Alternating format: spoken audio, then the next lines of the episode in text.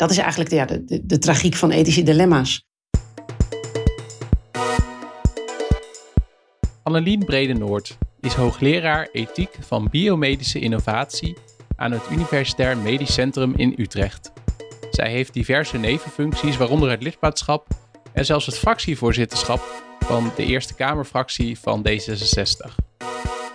We hebben het in dit gesprek over de ethiek en maatschappelijke impact van biomedische technologie, onder meer stamcellen, genetische modificatie, biobanken, etc. De show notes kun je net als altijd vinden op biohackingimpact.nl. Ga naar biohackingnieuws.nl om mijn maandelijkse nieuwsbrief te ontvangen, waarin ik eigenlijk alle actualiteiten deel op het gebied van biohacking, mijn duiding daarvan, mijn visie daarop. En er staat ook een lijst in met openbare lezingen en presentaties die ik binnenkort geef. Want meestal doe ik dat voor organisaties en dan is het voor klanten of medewerkers. Maar af en toe spreek ik ook op festivals of meetups. Niet altijd, e- niet altijd gratis, maar in ieder geval openbaar toegankelijk. En voor de komende tijd is dat bijvoorbeeld het jaarcongres Gezondheidsrecht op 6 december in Utrecht. De Biohacking Meetup op 10 december ook in Utrecht. Dan volgend jaar uh, inleiding bij de film The Matrix op 1 april 2020 in Groningen. En op 21 april 2020 mag ik spreken op het Midsloan Conference in Warschau, Polen. Dus mocht je in Polen wonen of uh, daarheen willen, dan kun je mij zien op 21 april 2020. Ga ook naar biohackingboek.nl als je meer wil weten over mijn boek Biohacking, de toekomst van de maakbare mens. Waar veel van de thematiek waar ik het met Annelien Bredenoord over heb ook in terugkomt. Uh, dus dan biedt wel mooi meer context als je daarin geïnteresseerd bent. Dus ga daarvoor naar biohackingboek.nl. Anyway, here we go. Ik was wel benieuwd, welk gen heb jij bij jezelf gemodificeerd? Want jij hebt zo ontzettend veel verantwoordelijkheden en taken. Dacht, dat, dat kan niet natuurlijk zijn. Ik heb helemaal niks. Uh, ik weet, sterker nog, ik heb uh, zelfs mijn eigen DNA niet in kaart laten brengen. Okay. Dus uh, het is wel een paar keer aangeboden, maar ik ben er nooit op ingegaan. Dus de, de, dat moet je toch eerst weten voordat je wat gaat, uh, gaat modificeren. Ja, eerst meten voordat je kan ingrijpen. Precies. Nee, zonder gekheid. Uh, vandaag een interview met Annelien Bredenoord. En de reden dat ik het zeg is, ik had even, pak even je website erbij, dat je professor bent. Ehm, de ethiek van de biomedische innovatie, of net andersom? Ethiek van biomedische innovatie. Ja, dat heb ik toch wel ja. goed. en daarnaast zit je in de, of ben je lid van de Eerste Kamer en heb je nog tal van nevenfuncties uh, um, die als mensen dat willen weten, kunnen ze naar de show notes gaan en een eh, linkje naar jouw website uh, vinden. Um, en ik heb een, in mijn vooronderzoek heb ik een aantal video's uh, van jou gekeken. En een van de dingen die mij wel aansprak, is dat je zei van ethiek blijft altijd een, um, een moreel randje hangen. Of je vergeleken met de Griekse tra tragedie eigenlijk. En dat, kun je dat toelichten? Ja, nou, ik, ik heb dat niet zelf bedacht, maar ik heb dat van Martha Nussbaum. Zij is wel een bekende Amerikaanse filosoof. En uh, in The Fragility of Goodness, um, een heel, heel dik boek, uh, daar beschrijft zij eigenlijk dat wat een moreel dilemma is, dat dat vergelijkbaar is met de Griekse tragedies, hè, waarbij eigenlijk, ja, eigenlijk is het kiezen tussen twee kwaden, of tussen eigenlijk datgene um, wat het minste morele pijn overlaat. Hmm. En dan kun je aan een heel klassieke discussie over, bijvoorbeeld een heel klassieke abortusdiscussie, hè, zelfs uh, overtuigde voorstanders van het recht op abortus, zoals ik, die zien natuurlijk dat ik ben natuurlijk niet een fan van het, het laten uitvoeren van abortus. Je ziet dus natuurlijk dat daar altijd een moreel dilemma blijft tussen de zelfbeschikkingsrechten van de vrouw en uh, ja, dat, dat prillende beginnende leven, wat je eigenlijk ook een kans wil laten geven. Kijk, en in dit geval is het voor mij volstrekt duidelijk dat, hè, dat een, zwangerschap is zo, het is en uniek, maar ook zo ingrijpend voor de vrouw. En het is uiteindelijk de vrouw die die hele negen maanden moet dragen en faciliteren. Dat als dat ongewenst is, dan is het volstrekt duidelijk dat, dat haar morele rechten daar toch echt de voorkeur verdienen. Maar tuurlijk is daar morele pijn. Want je zult ook een zwangerschap moeten, moeten afbreken. Dus de, de, dat is eigenlijk de, ja, de, de, de tragiek van ethische dilemma's. De, de, in die zin, ik geloof, ik heb een vrij lichtvoetig karakter. Mhm. Wat lukt uh, om dat ik toch ook met een bepaald plezier naar ethische dilemma's kan kijken. Ik vind het ik vind het leuk om erover na te denken en om te kijken van hoe kunnen we hier zo goed mogelijk mee omgaan. Um, en ik denk dat het goed is, omdat het natuurlijk soms best zware vraagstukken zijn. Ja, het is niet dat je er wel eens van wakker ligt? Niet zo vaak. Nee. Maar ik moet ook bij zeggen dat ze. Zeker tegenwoordig, uh, een, een heel jonge zoon um, van één jaar. Dus uh, tegenwoordig als ik uh, kan slapen, dan slaap ik vooral. Uh, want hij is zo vroeg wakker. Ja, ja. En het beeld wat ik heb is dat door de vooruitgang in biomedische technologie, waar we hopelijk straks nog even in kunnen, kunnen inzoomen, denk aan van PGD tot IVF tot, tot designerbabies, lijkt het ook dat we eigenlijk in, in hoe meer die wetenschap vooruit dendert, hoe meer ook ethische, morele vragen opdoemen. Klopt dat? Nou, ik denk ten eerste ik zou liever willen dat je die term designerbabies niet gebruikt. Ik heb, een, uh, ik heb echt een hekel aan die term, maar wellicht dat we daar zo nog even op komen. Mhm. Ik denk hè, dat, dat uh, de, de technologie waar wij over nadenken, waar wij proberen eigenlijk ja, mee te denken over hoe doe je dat ethisch verantwoord, dat die toch ergens in de jaren 60, 70 van de vorige eeuw uh, nou, groot geworden zijn. Hè? Dus eigenlijk met de opkomst van, uh, van de moleculaire biologie, de ontdekking van het DNA en tegelijkertijd de hele ontwikkelingen in embryo-onderzoek. Nou, dat is een beetje in de jaren zeventig is dat bij elkaar gekomen. Hè? En ik denk dat een, een mijlpaal is 1978. De eerste kind geboren uit IVF, dus de eerste reageerbuisbevruchting. Louise Brown. Louise Brown, ja. ja. de, de, vorig jaar is zij uh, eh, 40 geworden. Dat was ook een heel, nou echt, dat is ook gevierd. Ja. Um, ik denk dat sinds, sinds toen heel duidelijk is dat dit soort technologie ja, diepe ethische vragen met zich meebrengt. En dat die dus in een vroeg stadium, dat ethici erbij moeten zijn. En die zijn er ook altijd wel bij geweest. dus hmm. de, de, ik heb hier in mijn boekenkast um, de discussies over bijvoorbeeld embryo-onderzoek, uh, uh, genetisch onderzoek. Daar zijn hele klassieke boeken begin jaren tachtig over geschreven. Die hmm. ik nog steeds, de argumentatie daarvan, heel nuttig is. Ja, ja. En ik kan hem natuurlijk niet laten liggen, maar je, uh, ik probeer te raden dat, dat, ja, dat je liever niet hebt dat de term uh, designerbabies wordt gebezigd, omdat dat ook al een soort van frame, frame neerzet, zeg maar. Is dat het? Exact. Het, is een, uh, uh, het wordt eigenlijk altijd bedoeld. Terwijl design is vaak ook iets, iets, iets leuks en positiefs. Ja, iets moois aan kleren. Ja, precies. Maar de, de, in deze context wordt het toch altijd een beetje bedoeld als een soort van luxe speeltje van mensen die dan het leven willen designen. En alsof het niet goed genoeg zou zijn en of ze er iets moois van willen maken.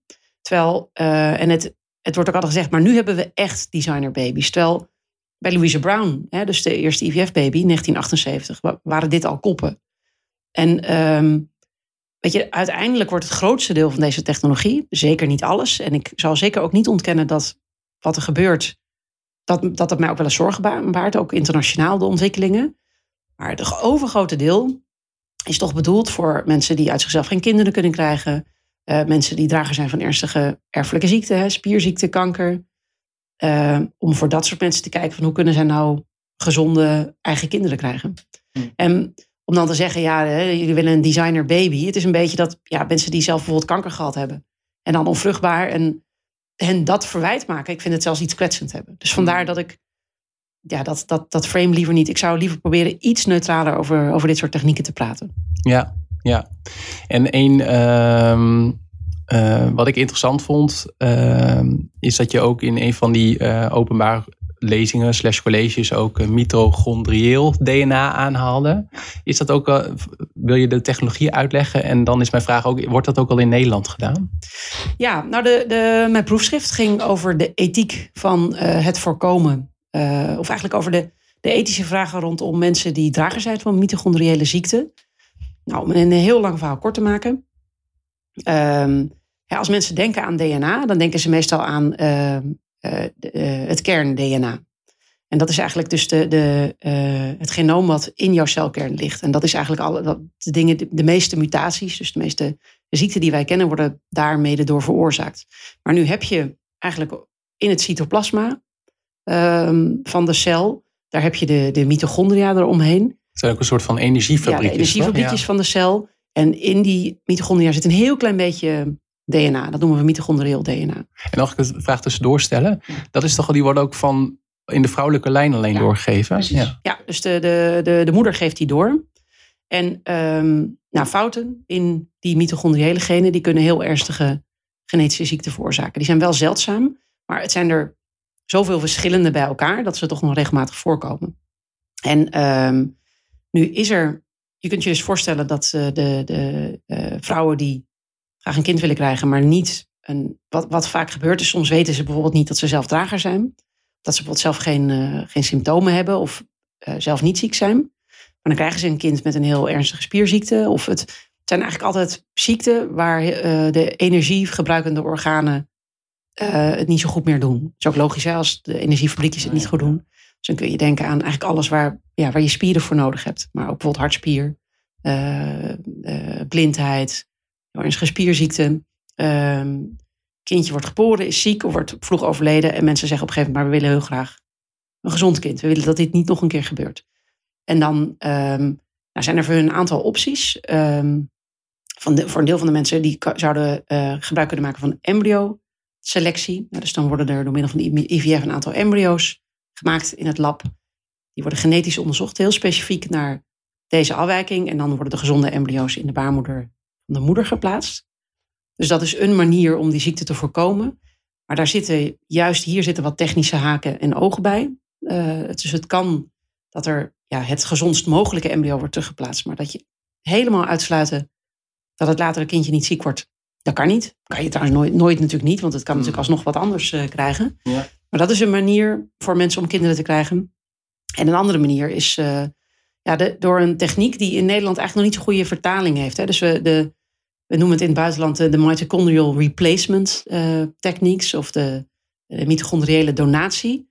En wat daar eigenlijk gebeurt is dat een eicel van een, uh, van een vrouw die drager is daarvan, daar wordt de, de kern van haar, de, haar, haar uh, de kern van de eicel, die wordt eigenlijk in een leeggemaakte, gedoneerde eicel geplaatst.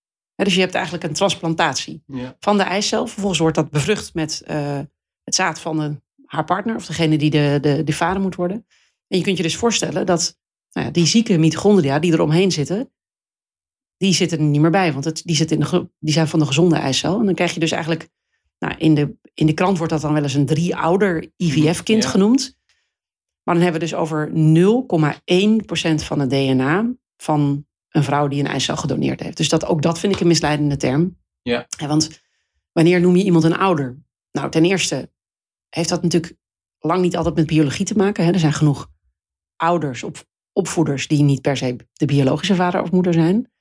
Uh, uh, dus de, de, en ten tweede, uh, dit, is een, dit is een eiceldonor zonder dat, laat maar zeggen, de, dat wat jou jou maakt en mij mij, dat zijn juist die kerngenen. Hmm. Dus dat wordt niet doorgegeven. Maar waarom dit? Het is natuurlijk een heel ja, technisch hoog technologische uh, nieuwe vruchtbaarheidsbehandeling. Ja. En uh, wat er ethisch gevoelig aan is, is dat, dit, dat je hier toch, ook al is het op hele kleine schaal, maar je verandert het DNA van een menselijke embryo. En dat noemen we kiemmaanmodificatie. En uh, precies dat is eigenlijk in veel landen in de wereld nog verboden. Hmm. We hebben op dit moment in Nederland een, is er net een nationale dialoog uh, aanpassen van DNA van, van embryo's gestart.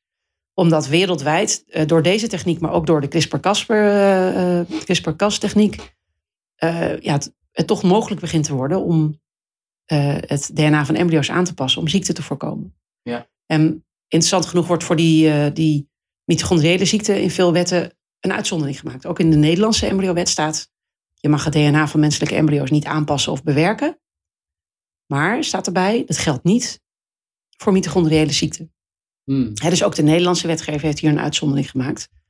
Wat ik daar als ethicus interessant vind, ik snap dat heel goed. Want waar mensen bang voor zijn bij het veranderen van DNA van embryo's, is ja, dat je, nou toch weer, dat zijn die designerbabies. Hè? Dat mensen dan kunnen gaan denken, oh, dan gaan we, dan gaan we dat aanpassen en dan willen we blauwe ogen. En dan, dat zijn nou ten eerste, van heel veel eigenschappen weet je helemaal niet hoe dat komt. Hè? Van een paar eigenschappen weet je het misschien wel, maar voor heel veel complex gedrag, dat heeft natuurlijk met, door heel veel genen en, en, en omgeving wordt dat veroorzaakt.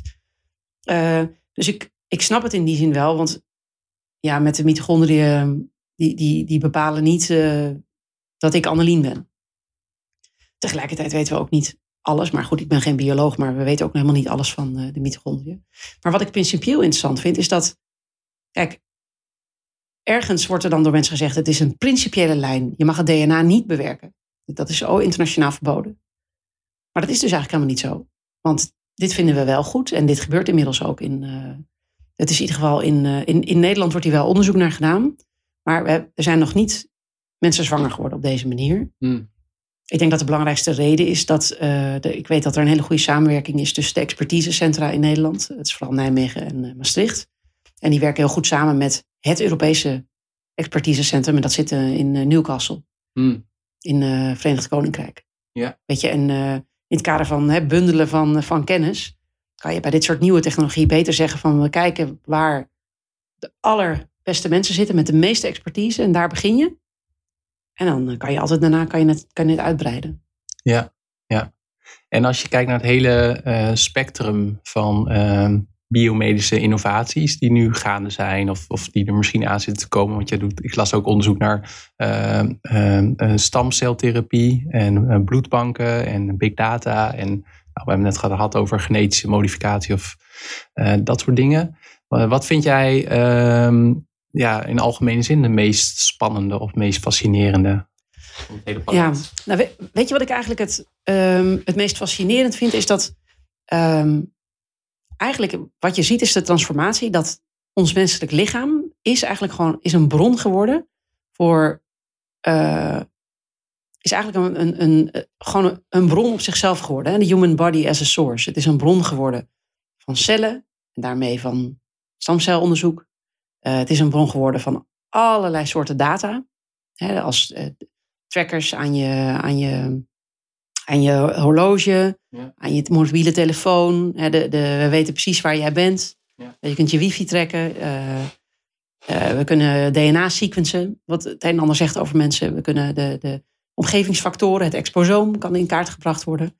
Dus de, de, ik vind eigenlijk de, ehm, de grootschaligheid waarbij je dingen te weten kunt komen over het menselijk lichaam en over mensen en wat je daarmee kan doen, dat vind ik echt fascinerend. En, uh, en, stuk, en dus juist eigenlijk die, die, de technieken die bij elkaar komen op dat vlak. Want het is natuurlijk. Uh, je, je, je kunt dan op zichzelf. Kun je denken aan de, de DNA-technologie of aan de opkomst van artificial intelligence. Um, maar het is natuurlijk juist dat het bij elkaar komt en dat je het allemaal tegelijk gebruikt. Hmm. Snap je? De, ehm, dat, dat vind ik eigenlijk fascinerend. Je ziet ook steeds meer onderzoeksprojecten die um, hoeveelheid van technieken gebruiken om een wetenschappelijke vraag, of een medische vraag te beantwoorden. En ik denk hè, van, ik ben uh, in die zin, mijn basishouding ten opzichte van technologie is positief. Ik denk echt hè, dat uh, al honderdduizenden jaren geleden de eerste mens technieken gebruikte. Ja, dus uh, de, ik gebruik vaak het voorbeeld van, uh, en lees ook de boeken van uh, Yuval Harari, hè, hoe die beschrijft dat op een gegeven moment mensen vuur konden maken. Het is ook gewoon een techniek, hè? het is ook een instrument. En toen hadden ze door dat gekookte groenten, dat je daarmee veel meer vitamine kon opnemen dan wanneer je ze rauw at. En nou, zo gingen we door en door en je ging, kon ook wapens maken. En eigenlijk zijn we, doordat we gingen samenwerken, communiceren uh, en technologie gebruikten, werden we gezonder, gingen we langer leven, werd de kwaliteit van leven ook beter zitten er natuurlijk ook heel negatieve aspecten aan. Want de hele footprint die wij uh, achterlaten, dat komt natuurlijk ook allemaal uh, door, door, door, dit gedrag. Maar op zich vind ik ja, dat gebruik van technologie een, een positief ding. Maar ja, we, inmiddels kan er zoveel en is het zo hoog technologisch dat ik wel echt denk dat we moeten echt heel scherp blijven op de ethische maatschappelijke vragen daaromheen. Mm. Ook ergens om, om het overzicht te houden, hè, om grip te houden. Om, uh, want het zijn uiteindelijk, ik denk ook hè, met de hele discussie over big data dat mensen ook soms, ik kan me ook voorstellen dat je het gevoel hebt van, uh, maar wie doet dat dan? En waar gebeurt het? En waar is de controle? Maar het zijn mensen zoals jij en ik, hè, die, uh, die daaraan werken. Die uh, bij Facebook en bij Google en ook daar gewoon in het Hubrecht Instituut zijn, uh, zijn wetenschappers. Mm -hmm. Die ook gewoon naar huis gaan om half zes. Ja. Meestal wat later. Heb je dus de, de, um, om daar oog voor te blijven houden. Um, hè, dat het niet een soort onnavolgbare uh, ontwikkeling is waar we niks, geen grip op hebben. Maar het zijn mensen zoals jij en ik. En we moeten met elkaar aandacht blijven houden voor dat het ethisch verantwoord is. Ja. Nou, dat vind ik een belangrijke missie. Uh. En ik ben wel benieuwd, uh, dan nog meer een persoonlijke vraag. Want ik kwam tegen dat je theologie en politicologie hebt gestudeerd. Uh, en op een gegeven moment kwam je, of ja, uh, uiteindelijk heb je je proefschrift gedaan, wat eigenlijk over die biomedische innovatie ging, waar we net over hebben gehad. En wat was het moment dat je, dat je A dacht van ethiek vind ik interessant, of B dacht juist de ethiek van die biomedische innovatie? Ja, nou, ik heb inderdaad, ik heb in Leiden gestudeerd en ik ging uh, theologie studeren. Omdat ik, ik was heel erg, heel erg eigenlijk vanaf, vanaf mijn vijftiende, zestiende. Ik was heel geïnteresseerd. Ik had filosofie als extra vak op school. Ik, had, uh, ik las de krant. Ik was ook heel erg in, uh, in politiek geïnteresseerd. En de dominee bij ons in het dorp, Bert, die, dat vond ik echt, en dat was ook een kennis van mijn ouders, die sprak ik wel eens. Ja. En uh, ik vroeg op een gegeven moment ook van, heb jij dan gestudeerd? hij vertelde dat hij theologie had gestudeerd. En hij wist dingen van ethiek en van internationale politieke conflicten. En uh, toen gingen we een beetje verdiepen in die studie. Toen dacht ik, ja, dat is echt super interessant. Want dan heb je en filosofie uh, en bijvoorbeeld ook godsdienstwetenschappen. Dus je leert ook over de islam en hindoeïsme, boeddhisme, humanisme. Um, er zit een, een, stukje geschiedenis in, hè? dus ideeën, geschiedenis. Nou, ik dacht, nou, die Bijbelvakken die neem ik op de koop toe. Um, nou, dus dat ben ik toen gaan doen. En ik vond het ook enerzijds een heel bijzondere studie. Maar zo ergens in mijn tweede jaar dacht ik wel van help, het wordt wel heel, heel erg eh, gefocust op uh, tekstbegrip van christendom. En ik wil meer filosofie. En ik wil dat het concreter is en maatschappelijker. Dus toen ben ik een beetje rond gaan kijken, wat extra vakken gedaan. En toen kwam ik uh, terecht bij, ja, wat, bij politicologie. En dat werd een beetje een uit hand gelopen hobby. En dan wat verder in je studie kan je op een gegeven moment zelf het vorm gaan geven. Hè. Dus toen ben ik bij theologie ben ik steeds meer richting ethiek gegaan. En bij politicologie ben ik steeds meer richting politieke filosofie. Nou, bijvoorbeeld veel Hannah Arendt gelezen. En um, ik moest natuurlijk ook nog, weet je, ook toen al was de, de, de toenmalige studiebeurs niet genoeg om van rond te komen. Dus ik ging ook op zoek naar eh, werk. En toen ben ik studentassistent geworden medische ethiek in het Leidse Universitair Medisch Centrum. En, want ik had daar wat vakken gevolgd. En eigenlijk was er één vak, dat heette kritische visies op de geneeskunde. Dus dat volgde ik gewoon hè, als keuzestudent.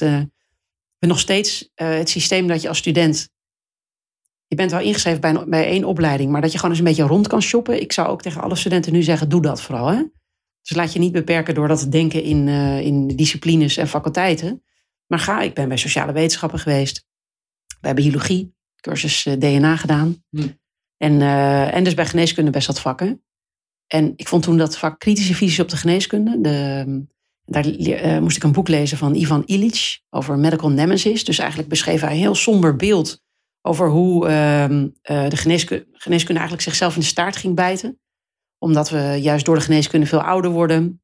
En uh, dat niet meer beheersbaar is. En ik, ik, kijk zelf helemaal niet zo negatief. Maar het triggerde me op een bepaalde manier. En, uh, dus ik ben daar studentassistent geworden. Mocht ik examens afnemen en beginnende werkgroepen geven.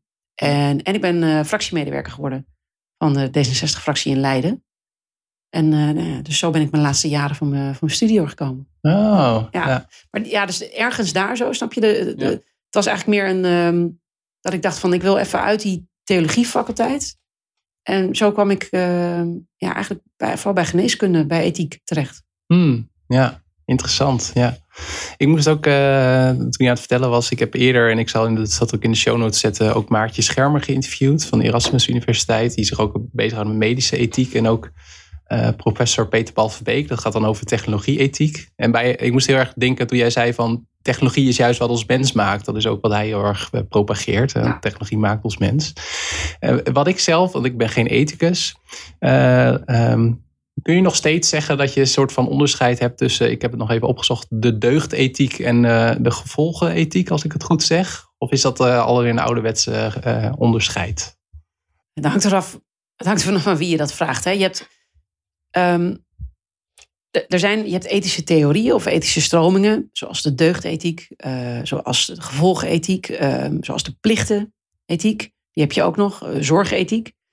Um, en feitelijk zijn dat allemaal ethische theorieën die ergens wil je op een gegeven moment een moreel oordeel doen. Dus ik wil op een gegeven moment zeggen, ik vind de ontwikkeling van embryoselectie goed, bijvoorbeeld. Hè? Of ik vind dat ethisch verantwoord. Dat moet je aan de hand van een aantal criteria doen dus ik moet op een gegeven moment uitleggen waarom ik die uitspraak kan doen. Hmm. Nu zijn er dan, nu zijn er ethici en filosofen die dus zeggen van nou, ik werk aan de hand van één theorie. En die gebruik ik eigenlijk uiteindelijk om mijn uitspraken te onderbouwen. Maar het lastige is, je hoort al dat ik niet zo eentje ben. Het lastige daarvan is, is dat het eigenlijk alleen maar verdedigbaar is voor de mensen die ook in jouw aanhanger zijn van jouw theorie.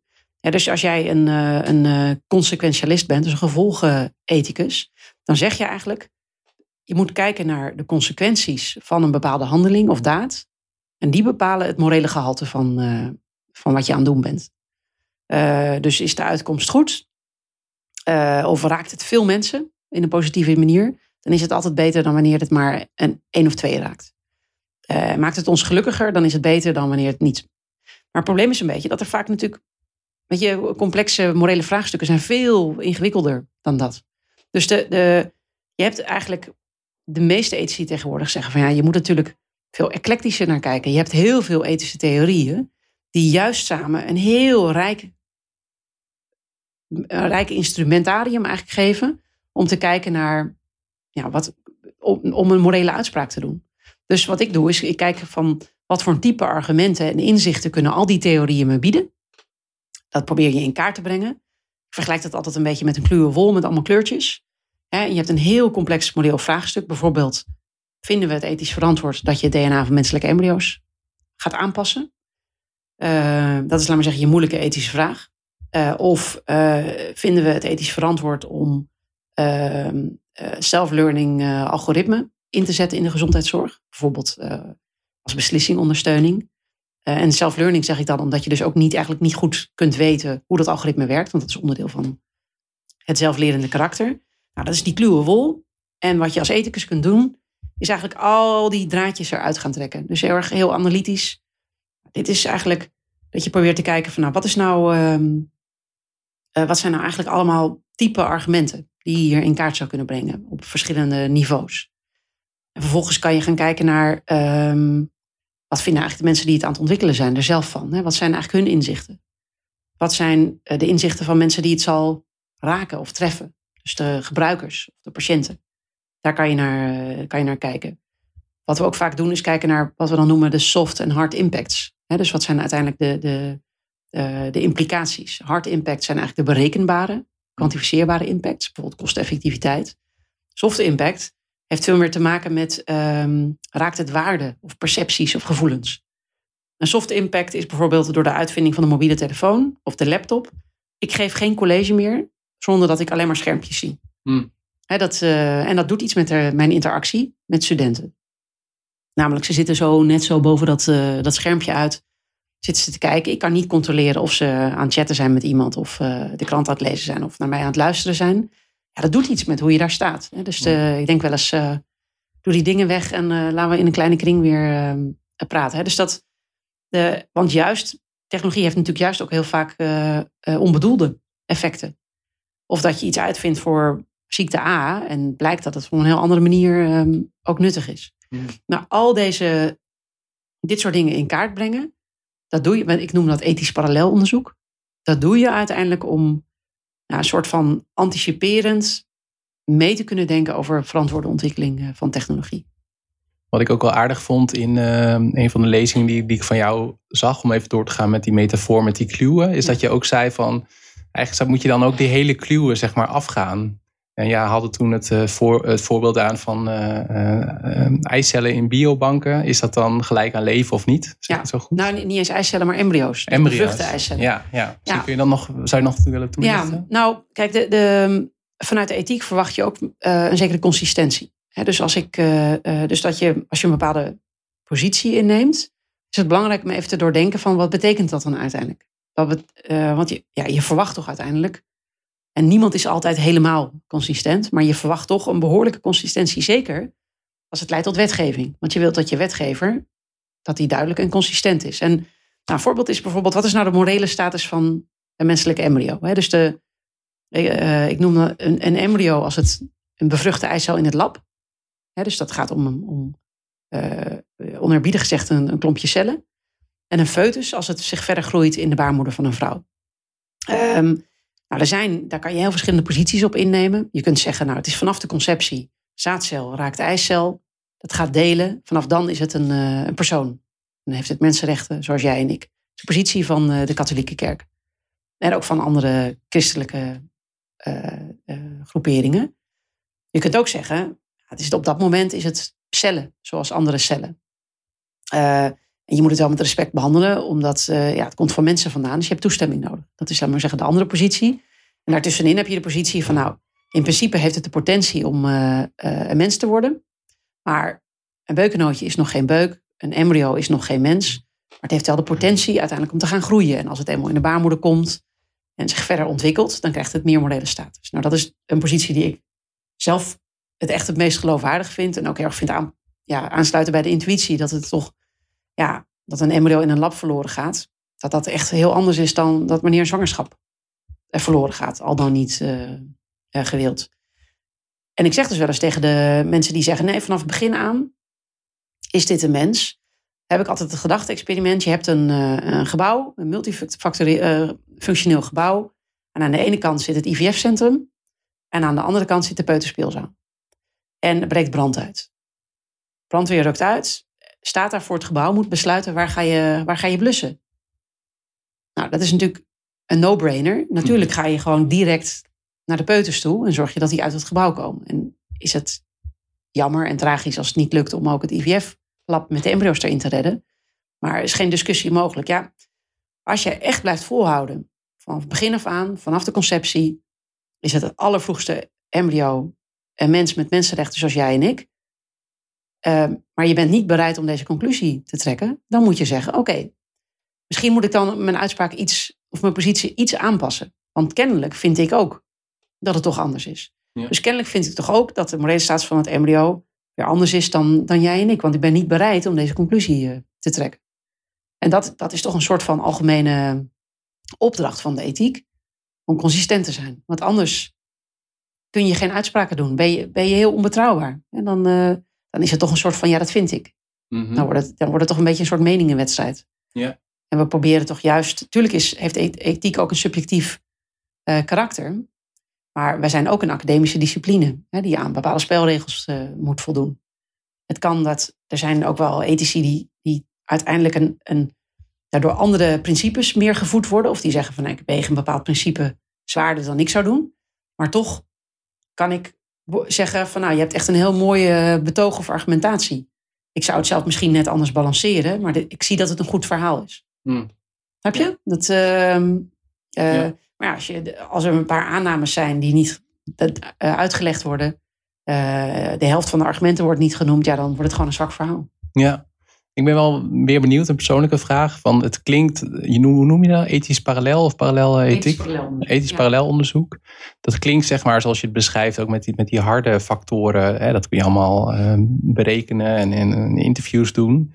Maar ik vroeg me af, heb je ook in je eigen proces dan dat je ook wel eens uh, een rondje gaat lopen? Want het zijn heel veel factoren die je zeg maar moet ordenen ook in je hoofd. Ja, Um, nou, dit is natuurlijk dit is gewoon een. een, een dus de, de, de projecten die we doen, de studies die we doen, uh, die lopen maanden of jaren.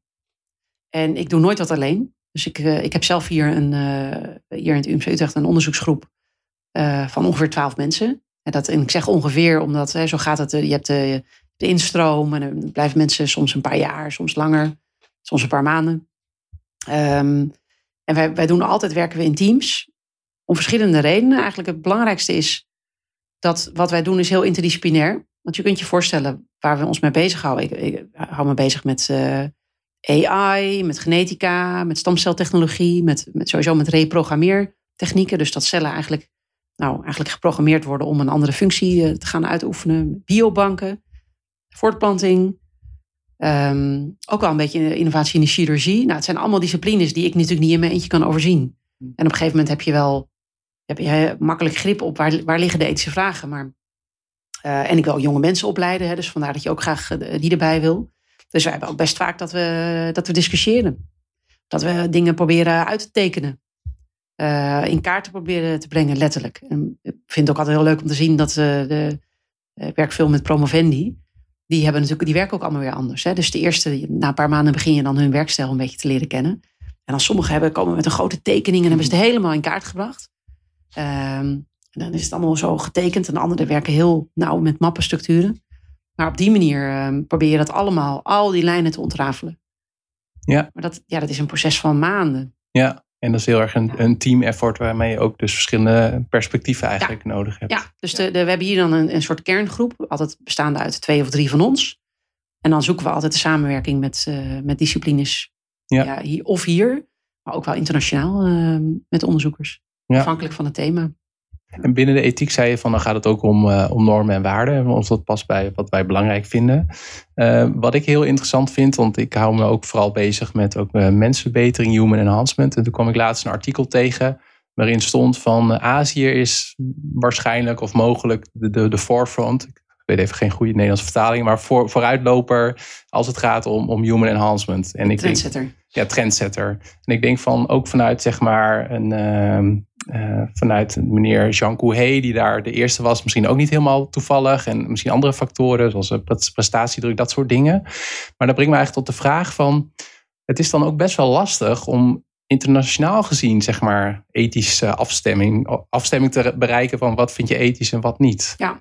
En merk je dat ook in internationale projecten die je doet, die jullie doen? Ja, nou de, ten eerste is, uh, is ook de ethiek veel internationaler dan mensen vaak aannemen. Heel, heel vaak wordt er dan tegen mij gezegd, ja, maar ethiek is toch heel, heel Nederlands. Nou, dat, dat, valt eigenlijk dat valt wel mee. Hmm. Ja, dus de, eigenlijk alles wat ik publiceer is, is Engelstalig. En is ook heel vaak met, uh, met onderzoekers, ook ethici uit het buitenland. Je ziet dat de, de het internationale ethische discours, ehm, daar kunnen we heel makkelijk met elkaar uh, praten. We hebben ook om het jaar de International Bioethics Conference. Dat is eigenlijk het Wereld Bioethiek Congres. Daar heb ik nu al heel veel zin in. Dus, in juni 2020 in Philadelphia. Maar meestal, het is ook in Singapore en Mexico. Het is op heel veel plekken in de wereld is het geweest. Rotterdam, tien jaar geleden. En daar zie je dus dat, dat al die mensen uit de hele wereld elkaar echt ontmoeten. En soms zie je bijvoorbeeld dat, dat er een presentatie is over bijvoorbeeld embryoselectie of CRISPR-Cas, a Chinese perspective. of a Jewish uh, perspectief. Hè, want je ziet wel accenten door bepaalde godsdiensten. Um, maar zeker voor de seculiere ethiek, niet geïnspireerd door godsdiensten, zoals die van mij, ja, merk je echt dat je, dat je dezelfde taal kan, uh, kan spreken. Hm. Um, wat niet wegneemt dat um, afstemming en regulering van technologie internationaal ongelooflijk moeilijk is. En de vraag is ook of je dat moet willen. de, de, de vraag is, je ziet want het is ergens natuurlijk ook tijd en cultuur gebonden. En je ziet dat landen hebben toch ook een verschillende opvattingen over of dingen wel of niet mogen. ik denk ook dat bij dit soort technologie het laatste woord ook aan democratisch verkozen politici is. Hmm. dat uh, uiteindelijk moet de regulering van technologie plaatsvinden in een parlement. Dat gebeurt ook met technologie in Nederland. Ja. Uh, of eventueel het Europees parlement. Maar de, en ja, we hebben natuurlijk niet zo'n instrument op, op echt internationaal uh, niveau. Uh, maar bijvoorbeeld nu over CRISPR-Cas is de, de WHO is bezig met ethische richtlijnen. Ik heb, toevallig ga ik volgende week daar spreken hierover. Mm, En dat is natuurlijk wat we noemen soft guidance. In de zin van het is niet afdwingbaar. Er is niet een rechter die kan zeggen je hebt er niet aan gehouden. Maar het is wel invloedrijk. maar ja, ik maak me ook wel eens zorgen over dat, dat de landen die dit echt heel netjes doen. Bijvoorbeeld het Verenigd Koninkrijk met de mitochondriële technieken. Die hebben echt in mijn ogen een heel mooi maatschappelijk proces doorlopen. Met uh, dat Newcastle, het center dat daarvoor oploopt, is uh, heel erg met patiënten zijn ze dat gaan ontwikkelen. Dus echt ook gedreven en deels gefinancierd door de patiëntenvereniging. Dus door ouders van, uh, van kinderen met die ziekte. Vervolgens ehm, is er een nationaal, nationaal dialoog gekomen. Een wetswijziging voorgesteld, die is in het parlement aangenomen.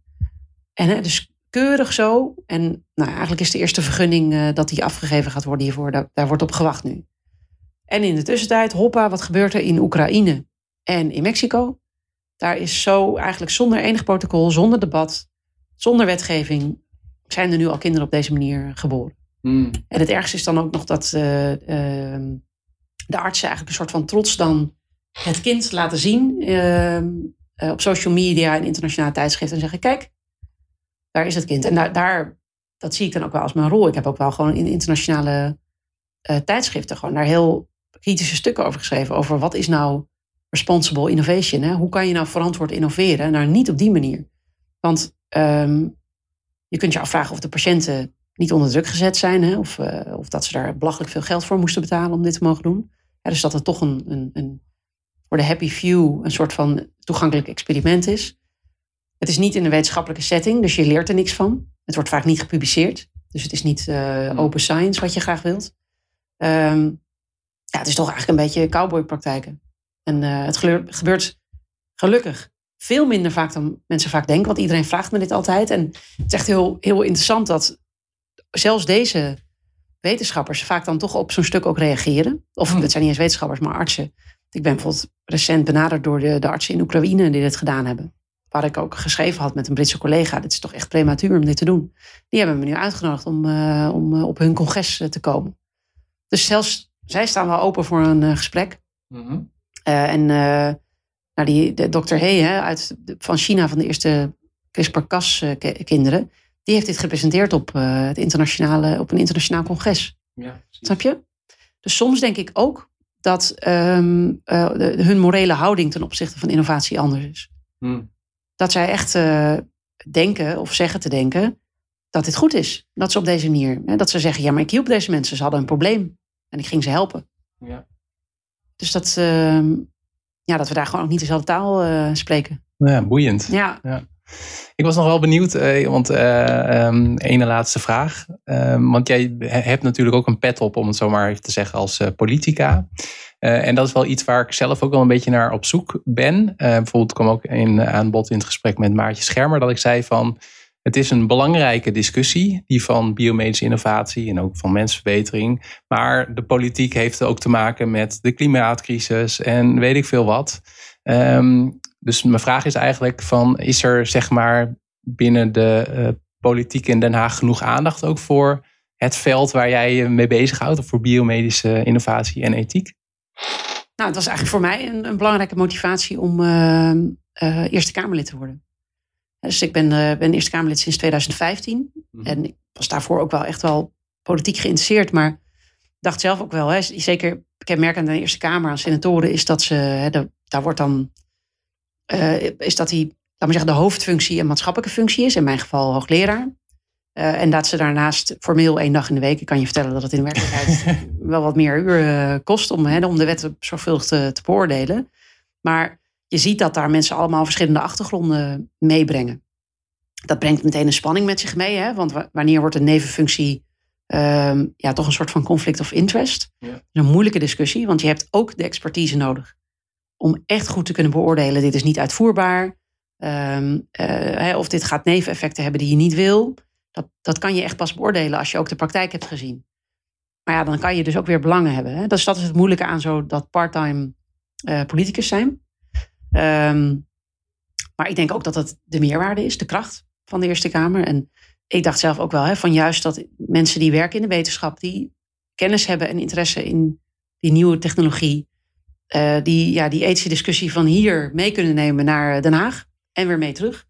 Ja, dat is voor mij een van mijn belangrijke drijfveren. Ik was gisteren, het is vandaag woensdag, ik was gisteren, hadden we algemene politieke beschouwingen in de Eerste Kamer. Nou, ik ben uh, sinds dit jaar fractievoorzitter. Hmm. Dus dan mag je eigenlijk nou, thema's agenderen. Uh, en, en, en, met de minister-president in gesprek over het kabinetsbeleid. Een van de thema's die ik gisteren geagendeerd heb, is de, een ethische en wettelijke agenda voor artificial intelligence. Ik echt dat we daarmee aan de slag moeten. dat, dat als jij een foto van je kind op eh, Instagram uh, plaatst, wat gebeurt er met die foto? Van wie is die? Wordt die gedeeld? Wordt die gebruikt om face recognition te delen? Weet jij het? Ik weet het niet. Ja. En, en dat, hè, dus hoe je, je kunt dit niet aan individuele consumenten. Wij moeten hier wetgeving voor ontwikkelen op Europees niveau. Ja, dat was een van, uh, van de blokjes in mijn, in mijn spreektekst. Omdat ik ja, denk van, ah, dit, dit, ik zie dit als mijn maatschappelijke taak om, om, ja, om hier echt de urgentie op, op te zetten. En uh, ja, zo zijn er natuurlijk ook andere thema's. Het RIVM eh, dat hier tegenover gebouwd wordt. Um, en al die ontwikkelingen hier, de discussie over medische data, elektronische patiëntendossiers, de zorgtekorten. Uh, ja, het zijn natuurlijk allemaal dingen, de, de werkdruk voor wetenschappers. Het zijn allemaal dingen die, die ik voel, die, die je ziet. Ja, ja. Uh, die je dan kan meenemen eigenlijk de ja. politieke arena in. Om ja, precies ja. ja. ja. dat, is, dat is toch denk ik waar ik, uh, waar ik voor opsta. Ja. ja. Nou, een goede combinatie klinkt het zo. Um, als, uh, ik zal een link in ieder geval toevoegen naar je eigen website en uh, je profiel zeg maar, bij de website van het UMC Utrecht. Um, zijn er nog andere um, social media of andere websites waar mensen meer over jou kunnen weten? Nou, ik denk eigenlijk dat je de, de belangrijkste wel genoemd hebt. Ehm, Twitter. En ik zou daar ook nog wel bij willen zeggen, de, de, je hebt ethici zoals ik. Ik heb er mijn werk van gemaakt, hè, dus ik ben professioneel ethicus. Maar uiteindelijk uh, gaat, kijk, ethiek bestudeert de moraal. En opvat, ethische intuïties, uh, opvattingen over moraal, dat hebben wij allemaal. Ik, ik, zeg ook altijd, ethiek is net als voetbal. Iedereen heeft er een mening over. En dat is ook goed. Want weet je, uiteindelijk kan ik mensen, kan, uh, laat me zeggen, de, misschien een beetje structureren in de discussie. Kan mensen informatie geven over wat betere of slechtere argumenten zijn, wat er internationaal spreekt. Maar uiteindelijk gaat het ook over dat mensen zelf proberen een soort van standpunt te bepalen van wat vind ik er nou eigenlijk van? Dat, uh, van die nieuwe technologie. Wat er kan met mijn mobiele telefoon. zou ik, als ik drager ben van een ernstige ziekte, zou ik zelf willen gebruik maken van prenatale diagnostiek, embryoselectie, IVF, uh, wil ik mijn DNA in kaart laten brengen als ik ziek ben? Wil ik een mini-orgaantje, een organoid maken om geneesmiddelen te testen? Ja, dit, dit heeft zo'n impact op onze waarden en, en, hoe we denken. En met elkaar omgaan. Dat ik het echt ook belangrijk vind dat mensen zelf uh, ja, meedoen. Hè? Dus dat ze zich ook eigenaar voelen hiervan. Dus dat, dat is ook wel. Daarom heb ik ook op mijn website informatie. Dat, ik vind het ook leuk als ik daar bevraagd over word. Ja, ja, dus als mensen nog vragen hebben, dan uh, kunnen ze in ieder geval via Twitter ook een. Uh, kunnen ze me zeker benaderen. Benaderen. Ja. ja. Nou, professor Annelien Bredenoord, bedankt voor je tijd in dit gesprek. Graag gedaan.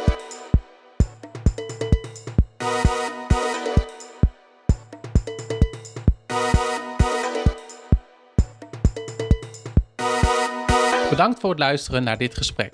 Tot slot nog drie dingen. De eerste. Vergeet je niet te abonneren op mijn nieuwsbrief. Ga daarvoor naar biohackingnieuws.nl. En op biohackingnieuws.nl kun je ook vorige edities van de nieuwsbrief vinden. Want die stuur ik één keer per maand. Met daarin eigenlijk alle actualiteiten als het gaat om biohacking. Mijn duiding daarvan, mijn visie erop. En er staat ook een lijst met openbare lezingen en presentaties die ik de komende tijd geef. Ten tweede, ga naar biohackingboek.nl om mijn boek te bestellen. Biohacking, de toekomst van de maakbare mens. En tot slot, het derde punt is mijn vraag deze keer aan jou.